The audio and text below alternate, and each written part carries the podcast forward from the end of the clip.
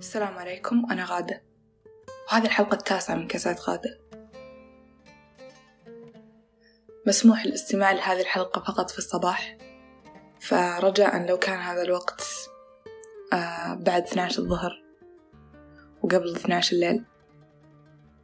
قفل الحلقة واسمعها بعدين. كانت تراودني فكرة. ليه مشاعر الحزن تبقى بينما مشاعر السعادة تروح بسرعة أو تأثيرها يروح بسرعة؟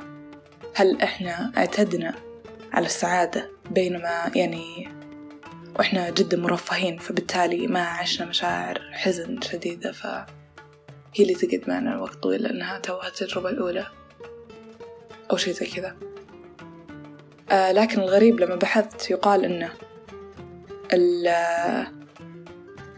الكبار في السن يشعرون بسعادة أكبر لأنهم مع الوقت مع مرور السنوات والأيام تعودوا أنهم ينسون الأشياء الحزينة. والذكريات اللي تبقى معهم هي السعيدة فيكونون أسعد. لو افترضنا أن فعلا سبب أن كبار السن أكثر سعادة هو لأنهم يختارون الذكريات اللي تبقى معهم. خلنا نمسك الأطفال كمثال. أطفال يعتبرون سعيدين نسبيا في حياتهم. يعني بشكل عام الأطفال في العالم يكونون أكثر سعادة لأنهم يمكن يعود السبب لأنهم ما يهتمون بالتفاصيل أو يمكن لأنهم يتعايشون أو يتعدون الأشياء الحزينة بسرعة. على طار التعايش مع الأشياء الحزينة السبب ما أحس من كثر المصايب اللي إحنا صرنا نشوفها في الإعلام وزي كذا. والمشاكل هذه. آه عيوننا تعودت على المناظر اللي مفروض إن إحنا ما نتعود عليها ومفروض إننا بعد ما نشوفها يعني نقد الوقت متأثرين بهذا الموقف أو بهذا الصورة أو الفيديو. مو طبيعي كيف إننا نتعدى الأشياء بسرعة في هذا الزمن. مو طبيعي. من يحدد الطبيعي أصلا؟ يعني على أي أساس أنا أقدر أحدد وأعطي عدد أو وقت أو فترة كل شيء يستحق كم تقعد عليه أو يعني مين يحدد هذه القيم؟ من أنا علشان أقول إنه الوقت أسرع من اللازم. مين يقدر يحدد القيمة الطبيعية علشان تقعد أو يقد تأثير الموقف عليك؟ كيف الناس تحدد الأشياء الطبيعية؟ إيش الطبيعي لازم يعني لازم يكون عندنا هل لازم يكون عندنا أساسا شيء يعني نعود إليه علشان نتأكد أن هذه الأشياء قاعدة تصير طبيعية أو فوق الطبيعية أو مثلا في المجال الصحي الأشياء الطبيعية تحدد على أساس الأفرج أو المعدل الطبيعي في كل دولة حتى يتغير من دولة لأخرى. هذه المعدلات يعني. وممكن الأفرج يكون مو طبيعي في دول معينة. يكون مشهور عندهم مثلا آه، في أفريقيا أغلبية الناس عندهم أنيميا. في نفس الوقت عندهم آه، مو بأنيميا لا عندهم polycy... polycythemia اللي هي ما أدري إيش ترجمتها صراحة بالعربي. عموما polycythemia. ف عندهم هذا الشيء وعندهم في نفس الوقت ملاريا في نفس الوقت. فهذه الثنتين قد تحارب في أجسامهم. بالمناسبة ترى هذا الشيء شيء جيد يعتبر لأن الملاريا تتغذى على الدم والبوليسايثيميا معناها زيادة في مستوى الدم طبيعي. فهم مع بعض قاعدين يطلعون معدل طبيعي يعتبر عندهم. فبالتالي الأشياء هذه تحدد بشكل عشوائي نوعا ما. ما حطينا معايير وتعبنا عليها. في النهاية المعايير هذه تم تحديدها بشكل يعني ما أدري في في شيء غلط في الموضوع. ليه إحنا نشوف إن الأشياء اللي موجودة عند الغالبية هي الطبيعية؟ طبعا الأشياء اللي إحنا يعني كشخص كل واحد يعتبر الشيء هذا طبيعي أو غير طبيعي. هذا الشيء يعتمد على بيئته ويعتمد على أشياء كثيرة تغير في تعريفك أنت للطبيعي.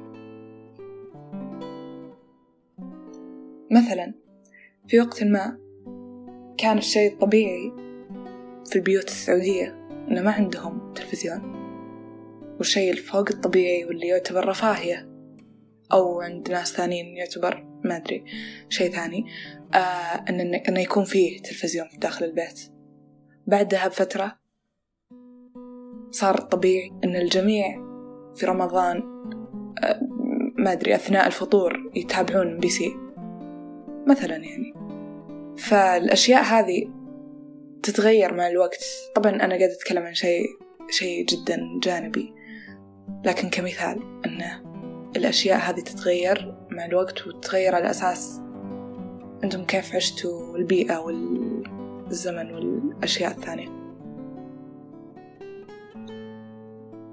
آه أنا أشوف أن الحين بسبة ما أدري يمكن يمكن أقول عولمة لكن آه صرنا متعودين على الأشياء اللي تصير في المجتمع الأمريكي خصوصا على أنها أشياء طبيعية.